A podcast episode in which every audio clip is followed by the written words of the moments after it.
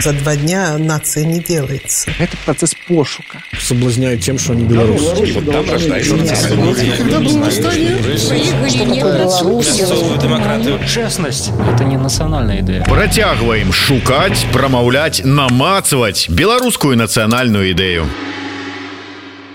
Усім прывітанне в эфіры чарговы выязной выпуск праграмы ідэя X праграмы падчас якой мы працягваем шукаць прамаўляць намацваць беларускую нацыянальную ідэю як звычайна з вами зміцер лукашук а намацаваць сёння і шукаць і прамаўляць нацыянальную ідэю мы будзем с маёй шаноўнай госцей дацэнтам кандыдатам гістарычных навук незалежнай эксперткай розай турарбекавай добрый дзень спадарня роза спадарня роза я ведаю э, ну что можа быць нават троху здзівіліся вы калі я запрасіў вас паразважаць пра беларускую нацыянальную ідэю А что тут дзіўнага вы ж у прынцыпе мало того что вы даўно жывеце ў беларусі мало того что вы выкладалі ў беларускім э, вНУ вы замужам за беларусам вы нарадзілі беларусаў беларускіх дзяцей новых грамадзян беларусі так чаму чаму не ну мне мне казалось что э, помимо меня есть много белорусов, которым есть что сказать об этом. А, и, ну, может быть, стеснялась э, говорить об этом, потому что э, все-таки, э, наверное, на контрасте, в сравнении. Я не училась в белорусской школе и не очень хорошо говорю по-белорусски, а мало читаю по-белорусски. Плохо, наверное, как мне кажется, все-таки плохо еще знаю белорусскую культуру. Я имею в виду литературу и а, искусства. А, и э, на самом деле это очень э, видно, особенно тогда, когда происходят какие-то абсолютно естественные, наверное, вещи для белорусов. Отмечается, например, День э, белорусского языка или, я не знаю, литературы. А когда мои студенты, например, да, я вижу в соцсетях, они начинают сейчас публиковать э, стихотворения а, Богдановича и еще кого-то.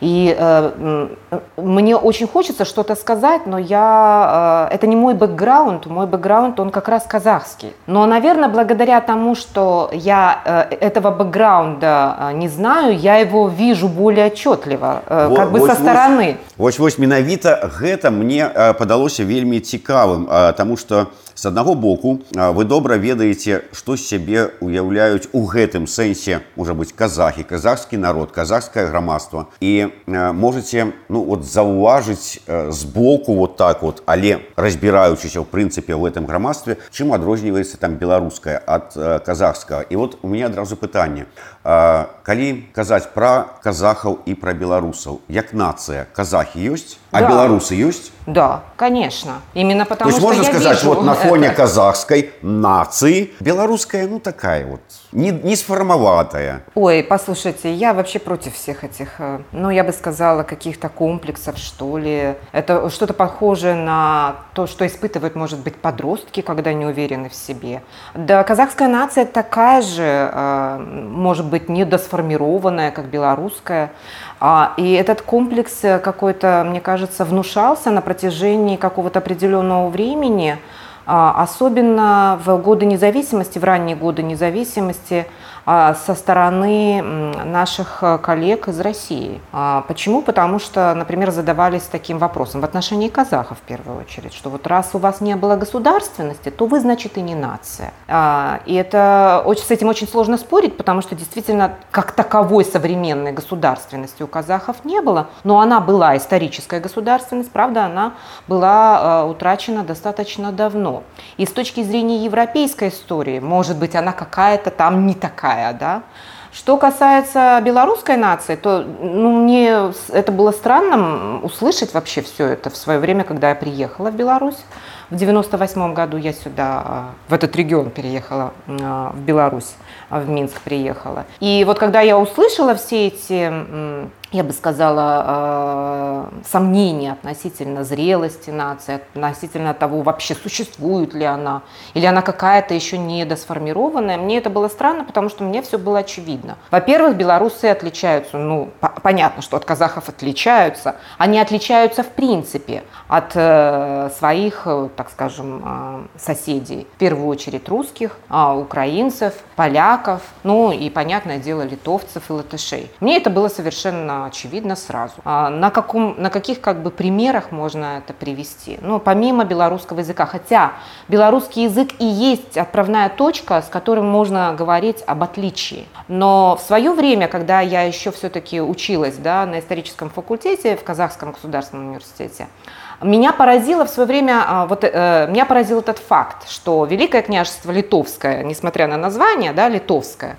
мы, в принципе, в Казахстане далеки от восточноевропейской истории, но я изучала просто этот предмет, не издавала предмет конкретный, да, по истории славян. Нет, это было, извините меня, включено в курс по истории СССР. И э, меня тогда поразило, что э, государственным языком или языком официальным да, документа, документов, да, ведения э, и права э, был э, белорусский язык.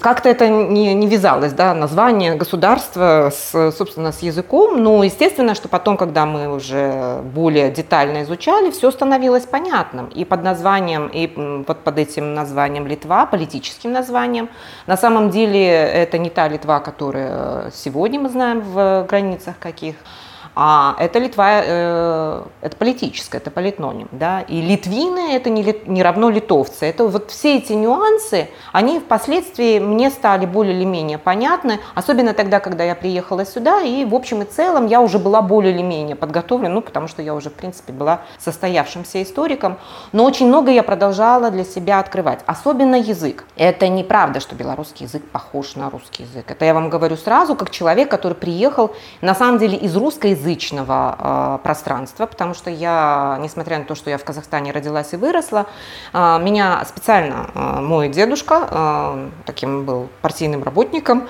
он специально меня отводил в русский сад и в русскую школу, чтобы у меня был русский язык без акцента, потому что это было одним из стартовых условий для того, чтобы сделать карьеру в Советском Союзе. И это как бы понятно было, почему он так поступил.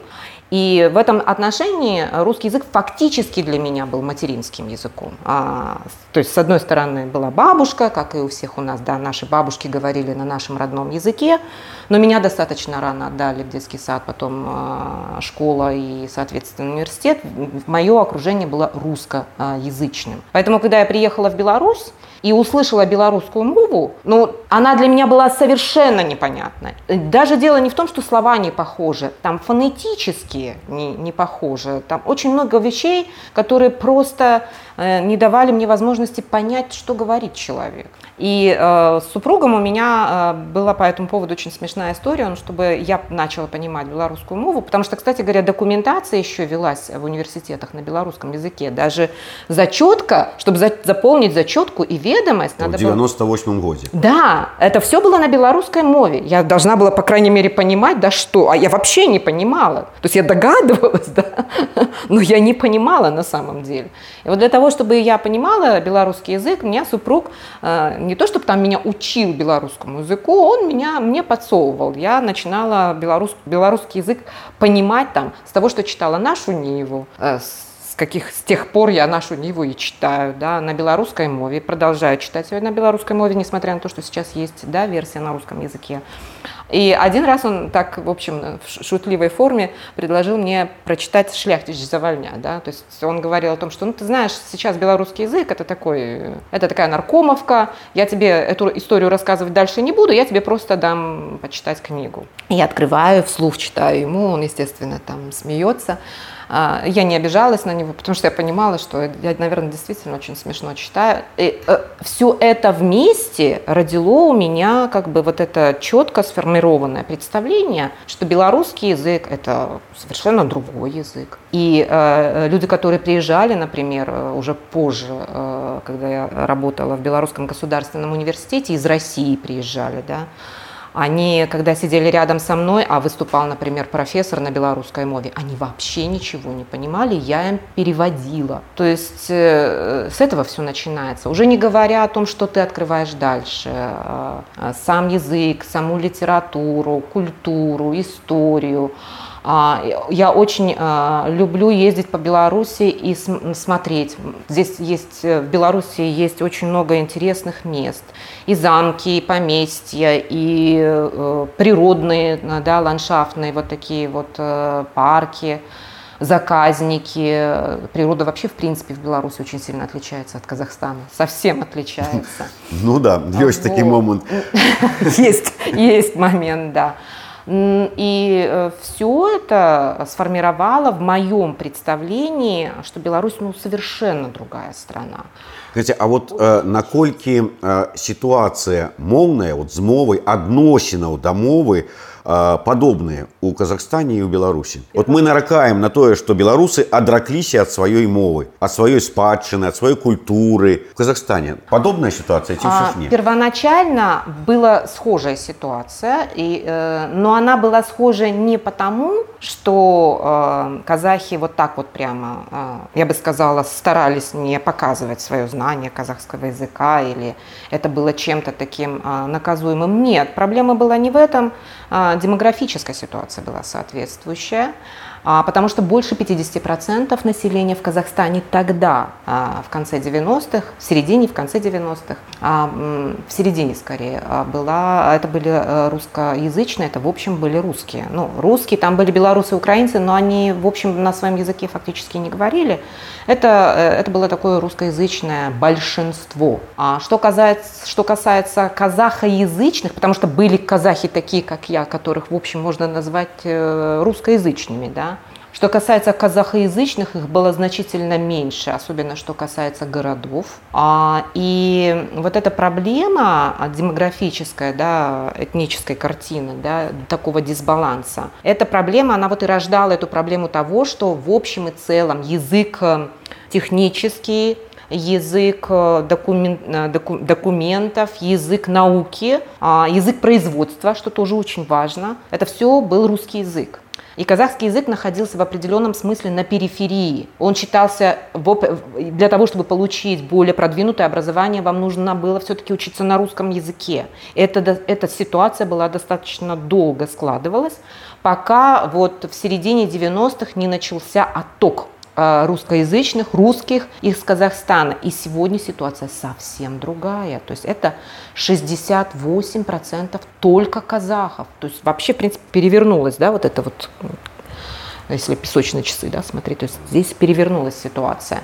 И что, вот э, свет Казахи, перевернулся? Да. А, свет перевернулся. Ну вот все же думают, вот, калі мы тут усе перейдем там, ну, умовно, там, на белорусскую мову, вот, на казахскую мову. А что ж будет, як же тут мы переживем, у, нас же, у наших детей мозги перевернутся, они же не вытрымают такой вот нагрузки. Не, ну я не думаю, что они не вытрымаются. Они вытрымаются э, хотя бы потому, что на сегодняшний день дети даже... Э, в русскоязычных школах э, в Беларуси а, соотношение белорусского и русского языка по часам одинаковое. И я считаю, что это в общем и целом уже неплохое начало. Другое дело, что э, мова все еще нуждается в поддержке. И это должно происходить на государственном уровне. Понятно, что, возможно, русский язык не стоит там выбрасывать сразу, да, или дискриминировать, или ставить в какое-то такое положение. Но то, что то, что называется позитивная дискриминация. Это тогда, когда идет поощрение за то, что э, человек на белорусской мове старается старается, он переходит на белорусскую мову. Это должно такое формироваться отношение в обществе и в системе образования самое главное, что переход на мову, он должен поощряться. И это можно сделать. Я, честно говоря, э, э, более оптимистично смотрю на ситуацию, потому что это то, о чем говорит э, мой супруг, эффект Анисим, да, может быть, вы слышали об этом. А, в чем заключается эффект э, Анисим? Да, я э, прошу прощения у Алены Анисим, что я вот говорю, но просто я повторяю слова мужа, что тогда, когда Анисим встает и начинает говорить по-белорусски, белорусам ну, как-то неудобно ей отказывать по-русски. Вот они отвечают э, тоже по-белорусски. И выясняется, оказывается, что в аудитории те люди, которые до сих пор говорили по-русски, в общем и целом они вельмі добра ведают беларускую мову даже видите я периодически могу переходить хотя я стесняюсь потому что знаю что у меня очень существенные есть ограничения по языку ой ну перестаньте я вам, я вам скажу... мне подобается белорусская мова потому что вообще в принципе очень красивый язык я вам скажу два два момента по-першее мне вельмі падабаюцца словы ганарова ганаровага старшыні таварыства беларускай мовы олега трусова который сказаў неяк что ну не умеешь ты говорить на чистой беларускай мове так никто не умеет. Поэтому лупина, трощанки, не саромейся. І просто выпадак які быў вот некалькі дзён таму мы записывали праграму с Дмітрием шчегельскім который накану который вот да пачатку запісы запісу сказаў Дмітр вы не пакрыўдзіце калі я буду адказваць по-руску Таму что мне ну вот можа быть пэўныя моманты пэўныя думкі прасцей будзе данесці по-руску Дмітр ну не пытанне як табе зручней так і кажы мы пачалі праграму і ён як пачаў адказваць по-беларуску ну, так до конца так до конца і гаварыў по беларуску я уже нават его подколол кажу Зміцер ты ж папярэжваў что будешь по-руску говорить Ай как-то вот оно само. Вышло да. Такие так, так и с вами. Наверное, хотя э, должна признаться честно, несмотря на то, что я очень э, приветствую, э, когда говорят по-белорусски, я сама, в общем, ну, автоматически дома не поддерживаю. Но я знаю, что отец с сыном переписываются на белорусском языке, и я это приветствую, потому что, к сожалению, я не всегда могу это поддержать. И мы вот стараемся сейчас с дочкой тоже, чтобы она все-таки э, больше занималась на белорусской мове, но у нее там другие есть проблемы, поэтому ей вообще, в принципе, сложно с этим. А вот не с языком, не с белорусским языком, вообще, в принципе, проблема с языком. Но это уже другой вопрос. А что касается... Это, в общем, да, это эффект Анисим, это заразно, это сидит, мова она сидит, я уверена, она... Ей просто нужны какие-то я бы сказала, в общем, элементарные какие-то условия, и расцветет, и будет э, кветнеть і далей іншая іншая справа а, ну можа быть а ці ёсць у гэтым вялікая патрэба такая гістарычная маю на увазе а, Таму что вот глядзіце ну ну склалася так что можа быть э, беларусы там спозненая ці не спозненая нацыя там где-то э, еўрапейскія э, нацыі сфармаваліся все это прошли все это этапы там 200 300 400 можа і болей гадоў там вот у часы як кажуць мадэрнізма мадэрновыя все это э, шляхі все этой тэндэнцыі зараз не той что э, постмадэрн некаторыя кажуць што ўжо нават пост постмадэрн э, той час калі э, некаторыя краіны ўжо пачынаюць ад пэўных сваіх вот этих нацыянальных рыс здабыткаў адмаўляцца а мы их и не займелі можа быть у свой час и апынулася что мы впереди планеты всей ну да я люблю эту восточную притчу я всегда ее применяю к себе она такая про как раз именно про это про тех кто вроде как запаздывает но все-таки свой путь они должны пройти а, это притча про ишака но это осел да если по-европейски который идет в конце каравана и караван в какой-то момент поворачивает чтобы обойти какой-то очередной бархан. И в этот момент получается, что Ишак оказывается впереди каравана. Вот я обычно к себе это применяю, да. А, не хочу, чтобы белорусы на меня обиделись, вот, но это эффект такой, да. Ну, как бы есть моменты, которые необходимо пройти, и они проходят. Потом не белорусы э, единственные такие, а половина постсоветского пространства такие. А, ну, как тоже белорусское выражение, не, не, некие недопеченные, да, якобы недопеченные. Ну, что значит недопеченные? А, я вам а, хочу сказать в качестве комплимента белорусскому языку и чем а, белорусский язык хорош. У меня часть родни мужниной да, живет в Украине. Но сейчас, к сожалению, уже они не живут, они бежали, но хотят вернуться назад. В общем и целом, в основном старшие Терешковичи жили в Украине. И э, я, будучи молодой невесткой, поехала знакомиться с родственниками, села в такси, я вот до сих пор помню, а, и потом и несколько лет подряд эта ситуация повторялась. Сажусь в такси, и, а там включается радио, и там идет э, украинское FM-радио, естественно, на украинском языке. Я ничего не понимаю, вот вообще ничего не понимаю. И, ну, чувствую себя как-то не, неуютно, и неловко, и не знаю, как вот а как дальше быть. И через несколько лет, вот такая ситуация повторялась несколько лет, и через несколько лет, когда я уже более или менее, как я думаю, да, я знаю, там что-то узнала уже по-белорусски, я села в такси, вот эта ситуация повторялась. Я села в такси, э, водитель включил FM-радио на украинском языке, и я стала всю мать. Вот у меня не было проблем языковых. Вот чем хорош белорусский язык. Вот зачем он нужен. Вот конкретно мне он был нужен именно за этим. А, это я для себя сделала открытие, я ни у кого не спрашивала об этом. Я для себя сделала это открытие, что через белорусский язык можно понимать и украинцев, и поляков. Ну, литовцев нет, потому что литовский язык все-таки совсем другой. Хотя, конечно, здесь, в Вильнюсе, я себя чувствую достаточно комфортно, потому что, когда в моем присутствии кто-то говорит, ну, это такой местно-польско-белорусский язык, я иногда его слышу.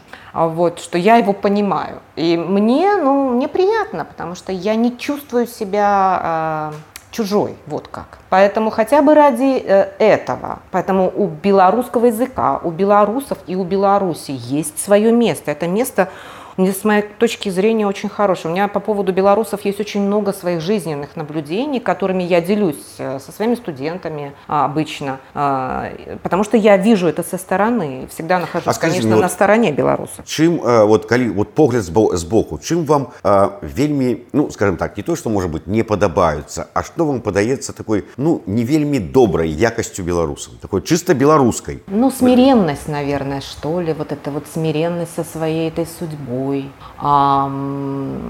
чрезмерная молчаливость, может быть иногда чрезмерная сдержанность, тогда, когда вообще стоит встать и сказать, поднять свой голос. Но в 2020 году подняли голос и как бы показали всему миру, что все-таки белорусы есть, и они вот такие, что в общем и целом делает честь э, А белорусы в этом подобные до казах? Нет.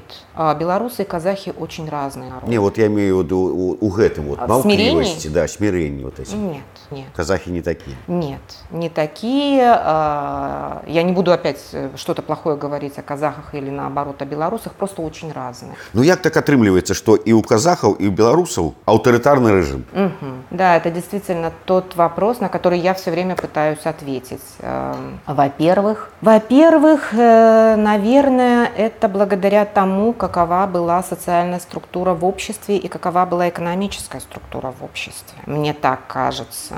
Привязка к Москве и зависимость от России была очень сильная. Во-первых, во-вторых, политические элиты, они, наверное, были гораздо более тесно связаны.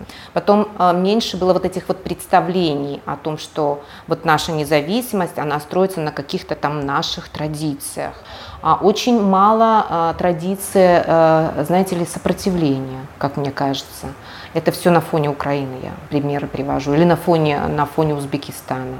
Вот. Э, в Украине да, там движение сопротивления, национальные движения, в том числе и милитаристского характера, очень сильные традиции. В Узбекистане та же самая история. Я имею в виду басмачество, кстати говоря. И вот э, здесь вот это и видно. Почему? Потому что, на мой взгляд, как историка, потому что, на мой взгляд, вот этой традиции мобилизации, в том числе и, э, как сказать, э, в силовом смысле, я не знаю, ну, мне как женщине вообще, в принципе, э, извините, что я так говорю, мне вообще вот все эти истории с э, силовыми, да, формированиями, все эти милитаристские традиции, они мне в принципе, мне претят, да. Но я как историк, я вынуждена отмечать, отмечать, что а, как раз именно такого рода традиции закладывают определенные, видимо, представления. Там есть свой э, этот самый иконостас, извините меня, героев. Причем героев не мирных, да, не там, не писателей, не просветителей, а героев там с шашкой в руках, да, или как там, с камчой, как у нас говорят, в руках. А вот, то есть это совсем другая история уже. А у казахов великий вот, э, вот этот пантеон таких героев? Он не очень большой был, но но он был. А на фоне, конечно, басмаческого движения это не так много, но тоже было.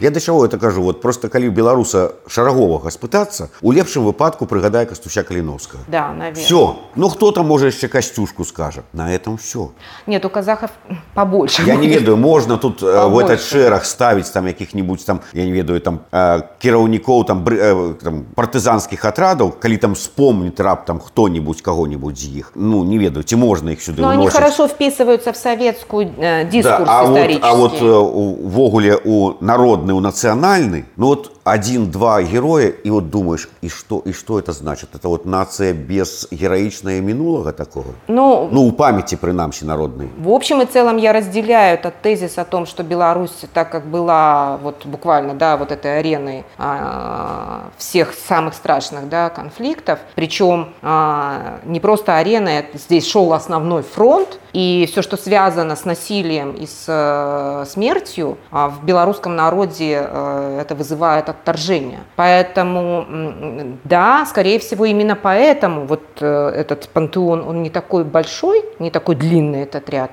Гораздо более длинный ряд – это ряд именно просветителей, а, деятелей там, культуры, писателей и так далее и тому подобное. Здесь более длинный ряд, да, то есть то, что вспоминает, например, молодежь в частности, да, цитируя, например, стихотворение там, Богдановича. Вот. А, Это не значит, что у казахов нет э, писателей и поэтов, но а, у казахов есть определенные примеры, и я бы сказала, это тоже не всегда хорошо, потому что когда а, слишком много батыров, это рождает более воинственный образ, который может э, сыграть плохую службу, с одной стороны, а тогда, когда речь идет о формах а, протеста. И здесь мы с вами можем вспомнить то, что произошло в январе. Хотя там очень много было провокаций, а, очень много неясностей. а, Нельзя здесь вообще возлагать вину на протестующих, потому что их там надо разделять, вообще кто там на самом деле на улицах был, кто стрелял. Вот. Но в целом вот эта чрезмерная, как мне кажется, воинственность, она при определенных обстоятельствах может вылиться в насилие.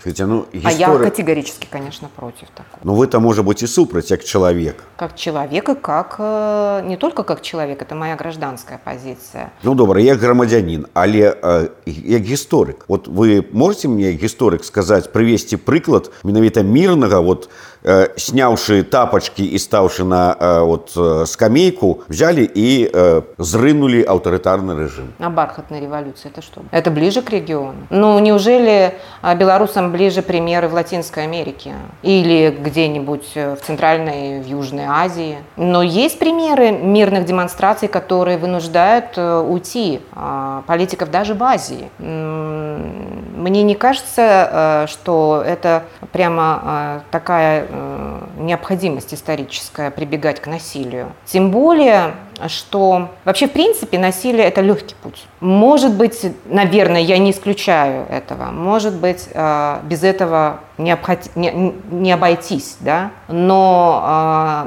мое убеждение, что за насилием последует насилие. И это, в этом убежд- я в этом убеждена именно потому, что историк. Я видела, как э, исторически, если рассматривать все процессы революционные, с одной стороны, мы можем их оценивать как прогрессивные, да, как борьбу человечества там, за более прогрессивные политические, общественные отношения. Это касается там, Великой Французской революции, это касается Русской революции, кстати говоря. Но что было потом? И вот здесь, ну, у меня, наверное, включается, как вы говорите, человеческое. Да? Меня берет оторопь буквально. То есть у меня всегда вопрос возникает, можно ли было бы этого избежать? Да? М, И на контрасте можно в сравнении э, говорить о Франции и Великобритании. Ну, Кто же скажет, что британская нация это не нация? Э, э, В Бри- в Великобритании, да, были тоже кровавые гражданские войны, но в конечном итоге они смогли а, ну, я бы сказала, каким-то образом проходить свой путь далее, уже после, а, там, в 19 веке, ну, после а, своей этой, э, как это, славной революции,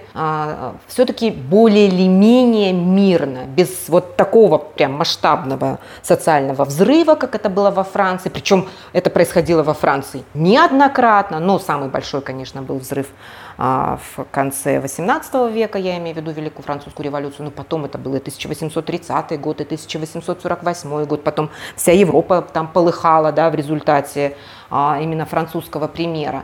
И э, уже впоследствии историки, когда занимались изучением последствий Великой Французской революции, они говорили о том, что Франция, собственно Франция, да, благодаря вот этой революции, а потом революционному террору, этим бесконечным наполеоновским войнам, а, была отброшена экономически на 100 с лишним лет назад. То есть это была цена вопрос цены, вот готовы ли к такому. А, возможно, это не стоит того, если мы смотрим там на Великобританию, которая те же самые вопросы решала более мирно. Нельзя сказать более справедливо, нельзя сказать, может быть, даже более человечески, а, но более, наверное, мягко. И э, там в том числе избирательные реформы, если смотреть, э, ликвидация этих известных, да, их там, как это в советской историографии называли, гнилых местечек этих, 1830 год, они смогли это сделать более мирно. А без Белор... этого взрыва, насилия,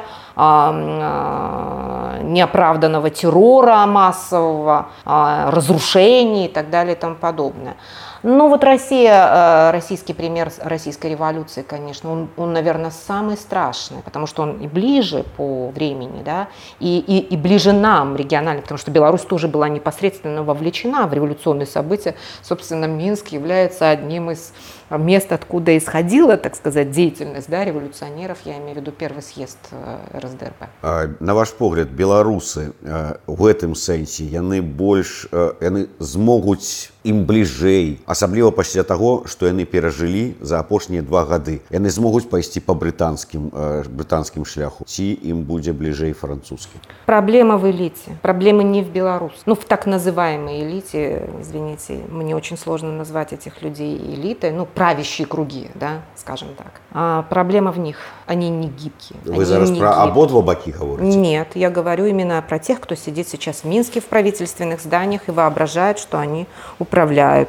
страной. Они не гибкие, они не а, думают о будущем, а, а, они не думают о будущем, они не, буд, не думают о будущем Беларуси, они не думают о будущем своих детей. Они сейчас спасают себя от репрессий, либо доказывают свою лояльность, либо попрятались все, стараются не привлекать к себе внимания, имитируя, так сказать, э, лояльность. Но сейчас все сложнее и сложнее им имитировать лояльность, от них требуют уже доказательств, да, что они лояльные, они подчиняются. Вот. А ответственность за будущее нации, ответственность за общество, мне кажется, они, у них нет этого чувства. Ну, э, наверное, меня слишком, с моей стороны, это слишком резкая оценка, это такое э, похоже, ближе похожие к разочарованию, а вот, но они не могут считаться элитой, потому что они являются зависимыми напрямую от одного человека.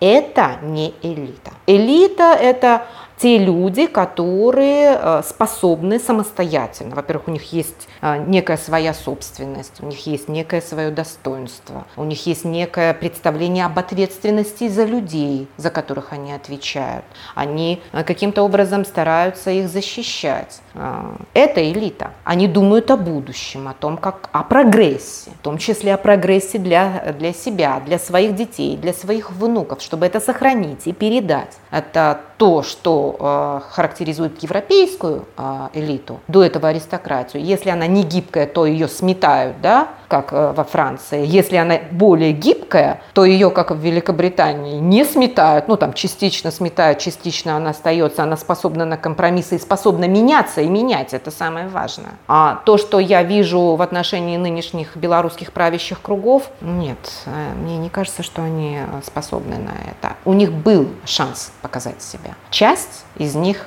показала себя, но очень небольшая часть. Остальные попрятались, а некоторые просто повылезали и показали свою, в общем и целом, регрессивную сущность, я бы сказала так.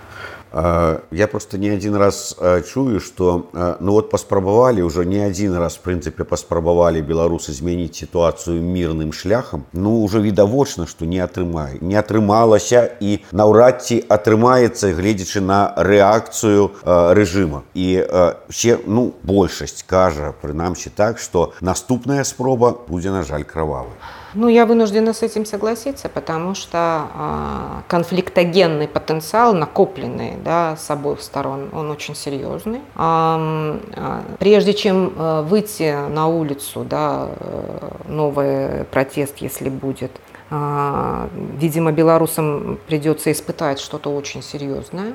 А, потому что травма, полученная в результате репрессий 21 идущих сейчас репрессий 22 года, она настолько глубокая, страх настолько велик, а отчаяние настолько велико, а, и эта проблема безнадежности, да, она настолько серьезная, вот общество буквально психологически находится в состоянии непрекращающейся депрессии, я бы сказала так. Но я, конечно, не психолог, есть понятие еще социальная психология, может быть, они бы дали более а, точный а, диагноз, но мне так кажется. Поэтому прежде чем выйти на улицу, что-то должно такое случиться очень э, экстраординарное, я даже не знаю что. Но это будет уже, э, скорее всего, выход не от надежды, а от отчаяния.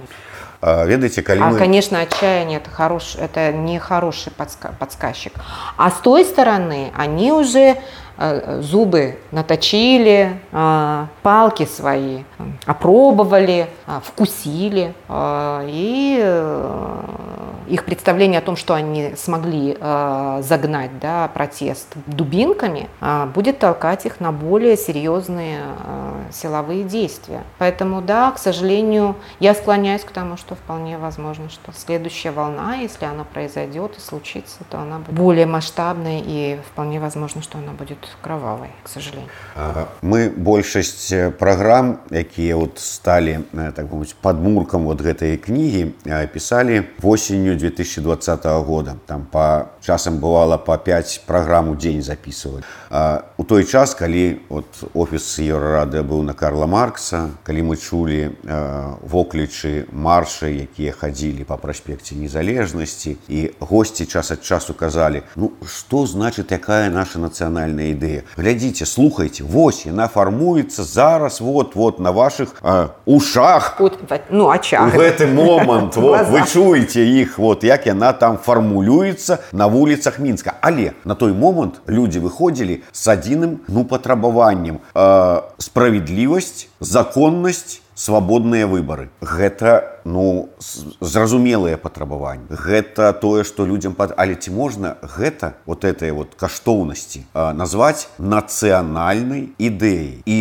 ну можа быць час нацыянальнай ідэі прайшоў зараз час нейкіх вось таких агульначалавечых каштоўнасцяў якія э, так бы на шчыт кладуцца нейкай такой нацыянальнай патрэбы і вот вот вот гэта тое что что там раней казалі вот это наша нацыянальная ідэя вот а гэта зараз может такія каштоўнасці ці не ну ценность э, которая как мне кажется является таким стержнем э, у белорусов это первая ценность это мир и ну, выстраданная ценность Э, и она сыграла, и еще, может быть, сыграет, я надеюсь, сыграет свою положительную роль. А, я не буду говорить про другие нации, что они воинственные слишком, но я более мирной да, нации в том смысле, что приверженной именно идеи мира, идеи а, того, чтобы не, а, не использовать насилие, я более мирной нации, но я в современной Э, истории Восточной, Центральной, Восточной Европы я не вижу просто. То есть это а, все эти, конечно, а, образы там, того, что тапочки, э, обувь сняли, там, в носочках встали на эти самые, на, на скамейки. Это все образы национальные на самом деле, отличные. И это, это, это сыграет еще свою службу, хорошую положительную службу. А, то, что сейчас Беларусь а, а, может быть ассоциирована как страна-агрессор, мне кажется, это великое испытание для белорусов, для белорусской нации. И самое, наверное, страшное, если э, так случится, что белорусы будут вовлечены да, в войну, это будет означать вот слом вот этого стержня. Но мое такое представление, я не берусь судить, э, прямо вот прямо настаивать на своем, но мне так кажется. И если это произойдет, мне кажется, это будет вот настоящей катастрофой для белорусов. То есть вот э, если э, белорусы откажутся от своей, своего облика как нации мирной, то это один из стержней, который держит белорусов как нацию. Тогда, тогда вступает в силу, возможно, еще какие-то ценности. Да? Идея справедливости, да, она не является какой-то оригинальной идеей, а вот, но идея социальной справедливости, такой вот, знаете, ой, ну я даже не могу это сформулировать, это, наверное, что-то, ну это действительно что-то специфическое, о том, что вообще, в принципе, э, как там мне видится со стороны, да, белорусы народ очень мягкий и э, добрый в этом отношении, вот мягкий в своей вот этой доброте, а, и поэтому и справедливость здесь, она вот носит такой вот характер очень, э, ну, социальный, уравненный в определенном смысле. Несколько идеали... не несколько, точно очень идеалистичный взгляд, но белорусы пытаются вот к этому своему идеалу какому-то стремиться. Отсюда вот это вот и толока, и э, солидарность, и взаимопомощь, и не, не такая большая претензия там на что-то, на контра... Э, в контрасте или в сравнении, да, например, э, белорусской молодежи, даже несмотря на то, что они являются детьми, например, очень состоятельных родителей, может быть, высокопоставленных. Это я на примере своих студентов говорю, такого факультета, где учились дети да, э, всей элиты, они не выпячиваются, ведут себя достаточно скромно, не, не считается правильным демонстрировать вот это вот э, какой-то свой, свой слишком высокий социальный статус. Напротив, демонстрация этого а, считалась чем-то а, я бы сказала, выражением какой-то неэлитности, какой-то, не хочу сейчас сказать чего-то такого обидного, но, но чего-то очень не, не свойственного для минчанина, там, например, для городского человека. Да. Я это э, видела на протяжении нескольких, вот, ну, по крайней мере, 20 с лишним лет. Я это видела. Я видела, что белорусские э, молодые люди, девушки, в общем и целом, если они хорошо учатся, и э, у них амбициозные цели и задачи. Они не пытаются это реализовать прямо вот э, одевая на себя что-то там исключительно там брендовые вещи, садясь там за руль какой-то дорогущей машины.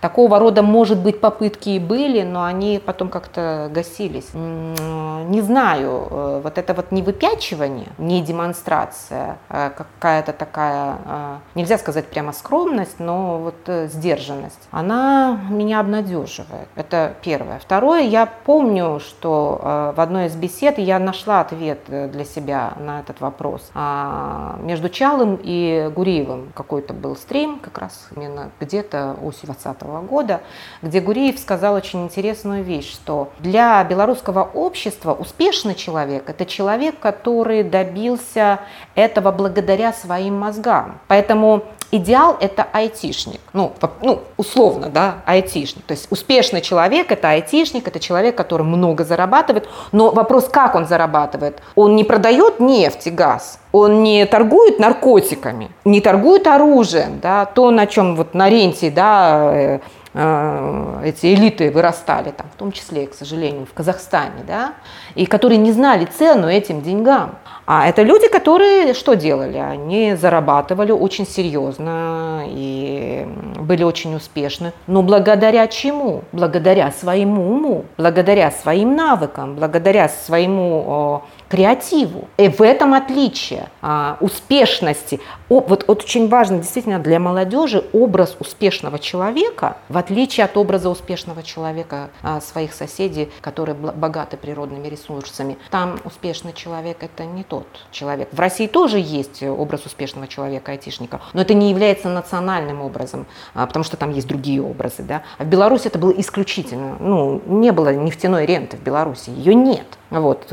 На чем могли люди зарабатывать вне зависимости от своих там связей и приближения к телу, да, а исключительно только своим мозгам. Поэтому это стало буквально национальной идеей образования. А, и здесь я еще хочу сказать очень важный момент. Мне кажется, одной из национальных идей и особенностей Беларуси заключается в том, что мамы, вот ну, моего поколения, да, мамы, вкладывали все свои средства в образование детей. Какое угодно, чтобы у него было как можно больше чего. Иностранного языка, чтобы он учился там у репетитора, чтобы он поступил в гимназию, чтобы он поступил, ну, там, предел мечтаний, там, может быть, лицей БГУ, да, а, и, и так далее и тому подобное, чтобы накопить средства для того, чтобы ее ребенок учился там в Чехии, да, и э, каждый доллар или каждый евро считался. И он вкладывался именно в образование в большей степени, нежели чем там в покупку дорогущей какой-то машины. Безделие э, воспитании подрастающего поколения, не, по-моему, не, как это сказать, не поддерживалось вообще. В принципе, я такого не видела. Может быть, вы мне расскажете такие примеры. Я таких примеров не видела. А, я видела успешных а, молодых людей, в которых родители вкладывали очень серьезные средства с тем, чтобы они стали успешными благодаря своим навыкам и благодаря своим знаниям. Образование как национальное. Таким чином, вот вы, мы так хочучи не хочучи, міжволі, сами собой и сформулировали национальную идею от э, Розы Турарбековой. Спасибо. Возможно, да. Возможно и так. Потому что, э, я еще раз повторю, для меня в 2020 году, э, когда я увидела э, то, что мы с вами все увидели, да, такое количество людей на улицах, для меня было самым, наверное, самой большой гордостью, что среди них было так много выпускников, так много было среди них моих студентов. Это была, ну, это была настоящая гордость. И я тогда поняла, и со слов одного человека тоже с ним согласна. Но вот, наконец, они выросли. Выросла наша элита, которая станет э, основой нашей нации, политической нации, белорусской нации. Только с чем им довелось сутыкнуться? Это вторая часть, наверное, э, это часть, э, за которую мне до сих пор больно. Я думаю, не только мне, конечно, но и всем нам. А мы не смогли своих детей защитить от этого. А, э, я иногда себя даже чувствую в этом смысле виноватой, потому что мы не смогли им объяснить, а, что эта машина под названием государство, она беспощадна, беспощадна, они способны на все. Мы старались, э, э, я бы сказала так, наверное, ограждать их от этого. Они не видели 2010 года, сколько им было, когда был 2010 год. А, дети, которые потом, как будучи студенты, выходили на улицы, им тогда было по 10 лет, они, в общем, не помнят ничего этого. И я думаю, что родители со сознательно а, не рассказывали им это, умалчивали об этом, дабы оградить их от этого, дабы вообще исключить из разговора эту тему, а чем это обернулось. И единственное, что родители могли делать там, я не знаю, не пускать на демонстрацию, не пускать на марш, но а, далеко не все родители имели возможность это делать. Очень многие э, родители э, для того, чтобы хоть как-то оградить детей, шли вместе с ними. Они разделяли эти взгляды, э, но еще и шли потому, что э, хотели э, защитить своих детей. Э, хоть как-то, знаете ли. И таких историй очень много мы с вами, наверное, видели и знаем. Э, я перед, э, перед моими глазами очень много таких картин. В частности, один из самых известных примеров, он в СМИ освещался, например, это тогда, когда доцент из ФАКа пошел вместо своих студентов. Э, он был не, не, не, не единственный. Таких, к сожалению, было не очень много преподавателей, но они были. Это как раз тоже все относится к тем самым отношениям да, старшего поколения к младшему поколению.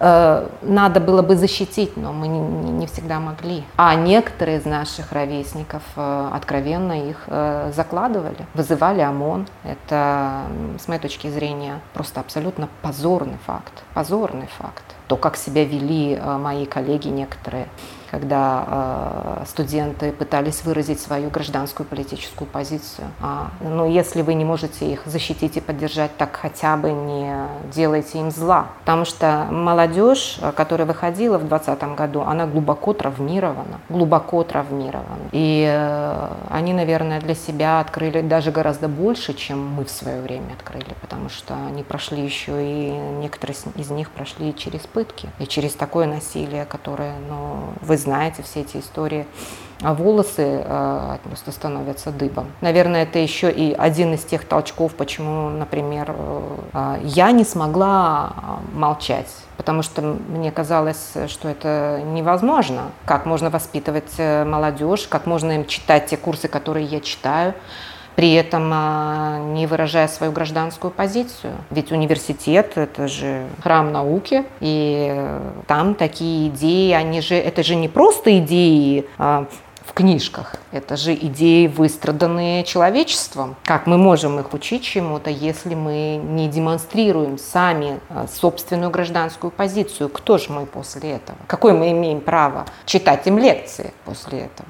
Э, я не ведаю, наколькі правильно абугальняць і казаць там вот э, грамадства, народ, нацыя, але ўсё ж таки пасля таго што перажылі беларусы грамадства беларускае хай будзе сказана так вось цягам гэтых двух гадоў вось гэты трагічны жахлівы балючы крывавы нават дзе-то вопыт ён пойдзе на карысць ці ён зломіць надломіць беларусаў смотря какие мы выводы из этого сделаем а ёсць нейкія прыкметы вот у того якія робятся выводы отчасти некоторыми делаются выводы что против силы нет другого аргумента кроме силы. И люди которые испытали видимо это и сделали для себя этот вывод они сейчас присоединяются к полку например калиновского. Это один выход. Другой выход это когда молодежь едет дальше а, учиться и продолжает принимать участие в различного рода инициативах волонтерских. Это ну, такого рода пацифисты, да? они а, хотят и дальше строить а, мирную белорусскую нацию. А, ни, ни те, ни другие не являются абсолютно стопроцентно правыми и стопроцентно неправыми. И те, и другие являются белорусами, они станут основой будущего.